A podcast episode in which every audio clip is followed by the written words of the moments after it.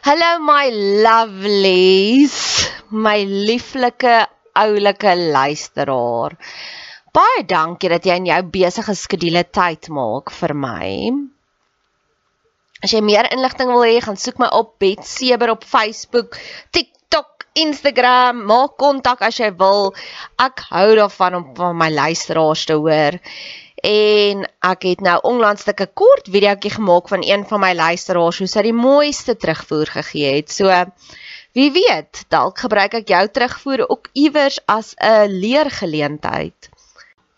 Net nog 'n bedelaars gedeeltetjie. Ehm um, ek probeer nou om op radiostasies te kom. Soveel mense sê vir my hulle dink dis die pad vorentoe en ek dink dit ook persoonlik. So ek wil iewers graag my eie radioprogram wil hê met hierdie boodskappe van hoop. So luister hierna en as jy voel meer mense moet dalk hiervan hoor, ehm um, ag, doen my 'n guns en stuur dit vir 'n radiostasie. Sê jy luister na hierdie podcast of potgooi en dit inspireer jou so en jy dink ek sal 'n aanwins wees vir hulle. Ek sien in Pretoria gebaseer, so as dit 'n Pretoria Gauteng se radiostasie is, nog beter. So, Jesus sê mos jy het nie want jy vra nie, so nou vra ek. Ek het nog 'n uitnodiging wat ek graag aan jou wil voorlê vir die volgende 15 kommentare wat ek kry. Positiewe, uplifting, persoonlike kommentare. So moenie net sê jy het lekker geluister nie. Sê vir my hierdie gedeelte was wat vir jou aangeraak het. Vir die eerste 15 wat 'n kommentaar lewer, sal ek sal ek met jou kontak maak en ek sal 'n podcast net vir jou maak. Ons kan gesels oor 'n probleem in jou lewe, ons kan gesels oor jou drome, ons kan gesels as jy getuienis het, wat ook al. Ons kan 'n onderhoud voer of ek kan dit 'n podcast opdra na jou toe. Ons kan dit anoniem hou of jy kan jou naam noem net soos wat dit jou pas. Jy is welkom om kommentaar te lewer hier op hierdie podcast kanaal, op ons Instagram, op Facebook, op TikTok, ek's oral. Ek sien uit daarna. Een van my gunsteling Bybelversies is in Jesaja, dink of Jeremia, maak nie saak nie. Woe to those who call good evil and evil good. Nou wow, beteken oh shucks, ek kry jou jammer. Jo. Dink aan die ergste ding wat met iemand kan gebeur en dan dink jy, "Oeh, ek kry daai persoon so jammer." Nou my vlakke van ergste verander eksponensieel. Ek het altyd gedink as jy in 'n liefdevolle, secure verhouding is en jy kom eendag agter die persoon verneek jou, is dit die ergste. Tot dit al twee keer met my gebeur het en dan sê ek soos okay, dit is ook dan nie so erg nie. Maar nou coach ek 'n mamma wat se seun haar aanrand. En ek dink dis die ergste wat met jou kan gebeur.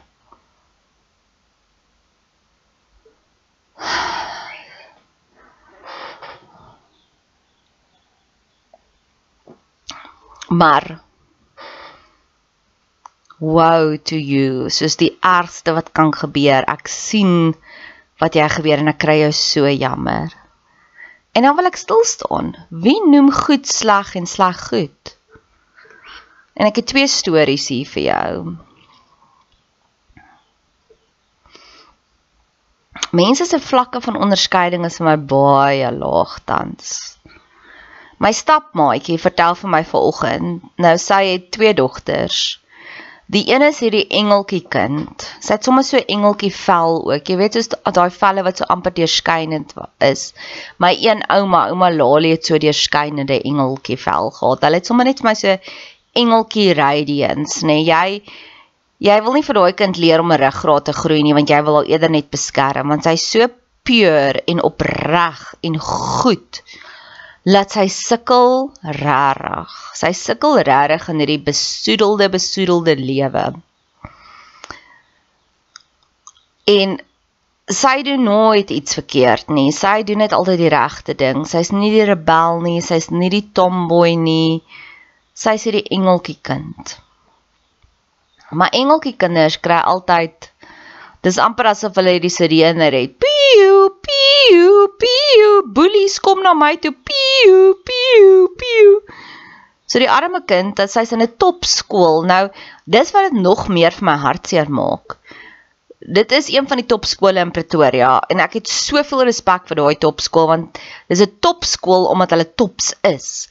Die manier hoe hulle daai kinders versorg, koester, nurture, dryf tot sukses, maar in soveel liefde alles wat daai skool doen is vir my gorgeous. Dis 'n topskool want dit is top. So as dit so gaan in die topskole, hoe gaan dit in die survival mode skole? Dis wat vir my by broekie laat bewe. Sy is in die koshuis. En die kinders het hierdie boelie gedrag van hulle doen dit darm net voor dogtertjies waar hulle sal inkom in 'n vertrek en dan trek hulle die kind se broek af. Ek meen dit is molestering op 'n manier. Dis so verkeerd en ja, ek wonder altyd die kinders wat dit doen, hoekom wat het gebeur dat daai kind dink dit is oukei? Want ek weet, ek het al genoeg abusive verhoudings bestudeer en abusive huishoudings wat mamma rand vir boetie aan en dog sussie dink dis oukei, dis wat gebeur. Daai wat is die Springs House of Horror? daai Lani, ek het 'n klomp van haar onderhoude geluister en wat sy die hele tyd sê, sy het gedink dis oukei. Okay, dis wat gebeur as kinders bakslaag kry. Dis normaal om 'n been te breek. Dis normaal dat mamma jou skok in die bad of dit was pappa en dan pos jy uit. As jy stout was, dit is wat gebeur. So, as jy abuse word, word jou vlakke van aanvaarding word al hoe laer en laer jy aanvaar enigiets dan. Enigiets is net oukei. Okay. So 'n kind wat instap in 'n vertrek en 'n ander kind se broek aftrek en dink dis oukei okay en dis snaaks, wat gaan in daai kind se lewe aan? Waar's daai kind se parke? Verstaan dit en dat daar so 'n Freudian ondertoon aan dit. Daar's so seksuele ondertoon dat ek kan verkeerd wees, maar ek dink kinders wat dit doen moes waarskynlik gemolesteer geword het of daar met iets verskriklik seksueel verkeerd gegaan het. Hulle toe ons kinders was, het hulle ons gestop om dokter dokter te speel want hulle het bewyse gekry dat kinders wat die initieerder is om dokter dokter te speel en kindertjies wat aan mekaar wil vat, is gewoonlik kinders wat al reeds gemolesteer is. So toe het hulle gesê op 'n stadium wanneer jou maatjies wil dokter dokter speel moet jy na mamma toe gaan en vir haar sê want dan is daar 'n probleem. En dan moet mamma jou uit daai gevaarlike posisie uittrek. En dis dieselfde vir my met hierdie broeke aftrek storie. So die engeltjie kind het die eerste keer vir hulle gesê hou op om dit te doen. Moenie dit met my doen nie. Ek hou nie daarvan nie. Want die engeltjie kind se mamma het daai kinders so opreg groot gemaak so in bubble wrap omdat daar is nou praat ek baie uit die huis uit maar daar is 'n 'n bloedlyn curse van ooms en oupas wat met kinddogtertjies lol. So my vriendin het haar kinders so geskelter dat enigiets wat naby aan seksueel mishandeling is is hulle so alert op dis so verkeerd want hulle is so suiwer En toe doen die dogtertjie dit weer met my vriendin se engeltjie kind. En toe die kind wat nooit iets lelik sê nie. Ons is regtig waar meeste van ons is nie vloekers nie. Ons vloek nie eintlik nie. Ehm um, ja, daar is nie ek het nog nooit in my lewe die P of die D woord gebruik nie en mag die Here my bewaar dat ek dit nooit gebruik nie ek sal so nou en dan die F woord gebruik. Die kind draai om en sy sê, nou sy word regtig groot gemaak in 'n baie pure huis. Jou fucking bitch. Dit sê besef dit okay, hierdie is so erg. sy bel dadelik haar ma sê ma, jy gaan waarskynlik nou 'n oproep kry van die juffrou af.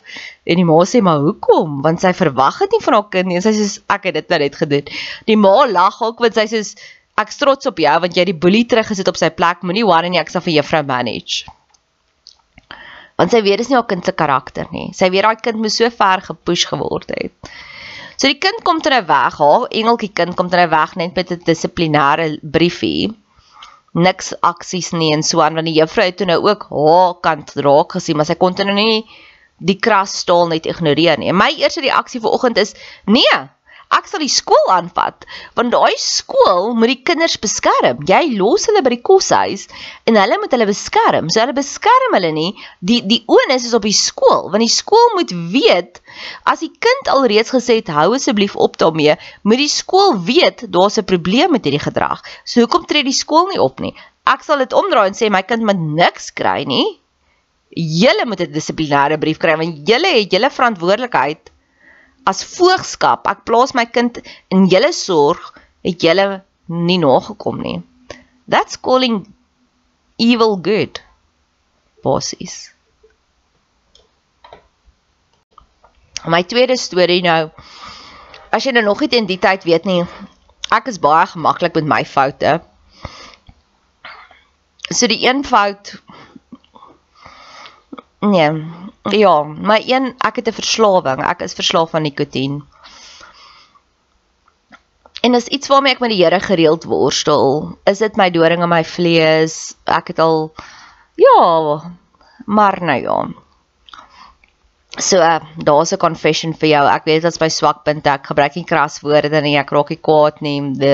Maar daai is een van my swakpunte.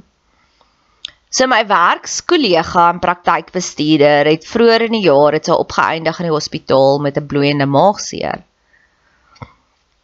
En sy het teruggekom en sy het gesê die dokter het gesê sy moet ophou rook en ophou drink.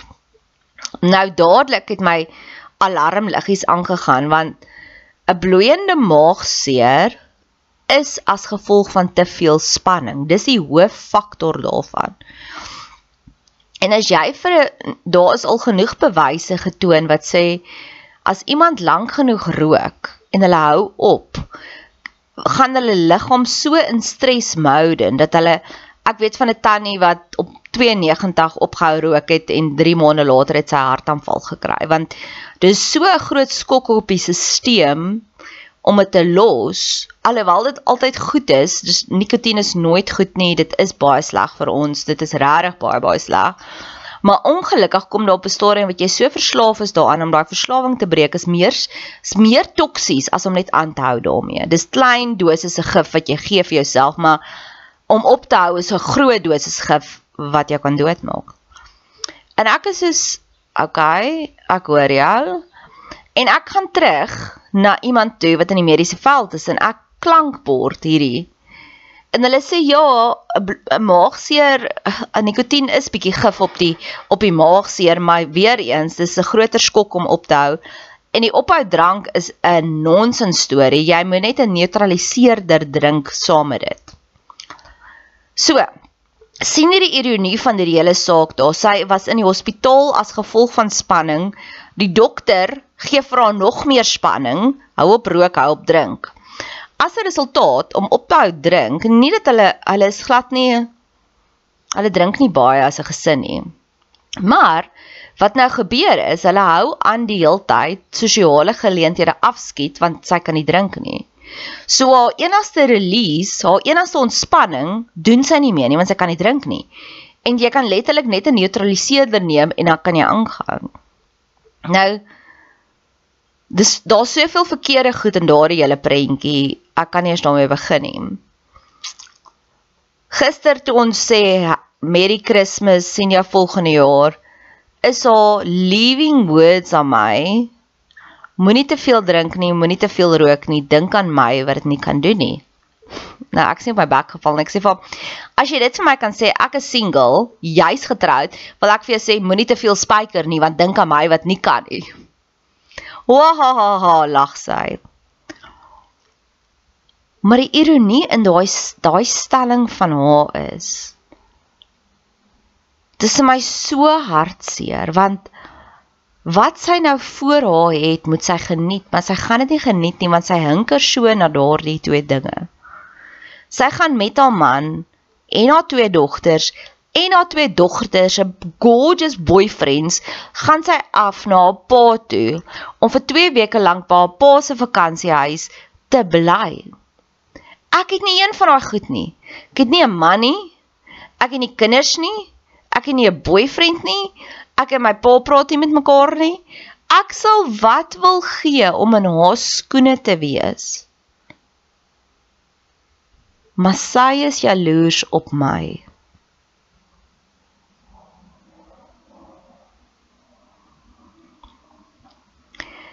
En dit breek my hart want daar's hierdie dingetjie wat God ook sê, hy sal jou seëninge in vloeke verander. En nie net ek sê enige iets van daai 'n vloek nie, maar jou vermoë om dit te geniet kom alles van God af. Wat's my vooruitsig vir die Desember vakansie? Alleen, ek het wel wyn, kan wel rook, Maar dis dit. Ek gaan nie sete nie. Ek gaan nie kosbare familietyd spandeer nie. En ek geniet dit meer as wat sy al daai blessings geniet. En dis hoe 'n lewe sonder God vir my voel. Jy kan alles die beste hê. En jy besef dit nie eers nie, jy kan dit nie eers geniet nie. Is dit nie net een van die sadste stories wat jy al ooit gehoor het nie? Ja, ek dink ek moet hom hier afsluit want die volgende is nogals groot groot topics. Woe to those who call good evil and evil good.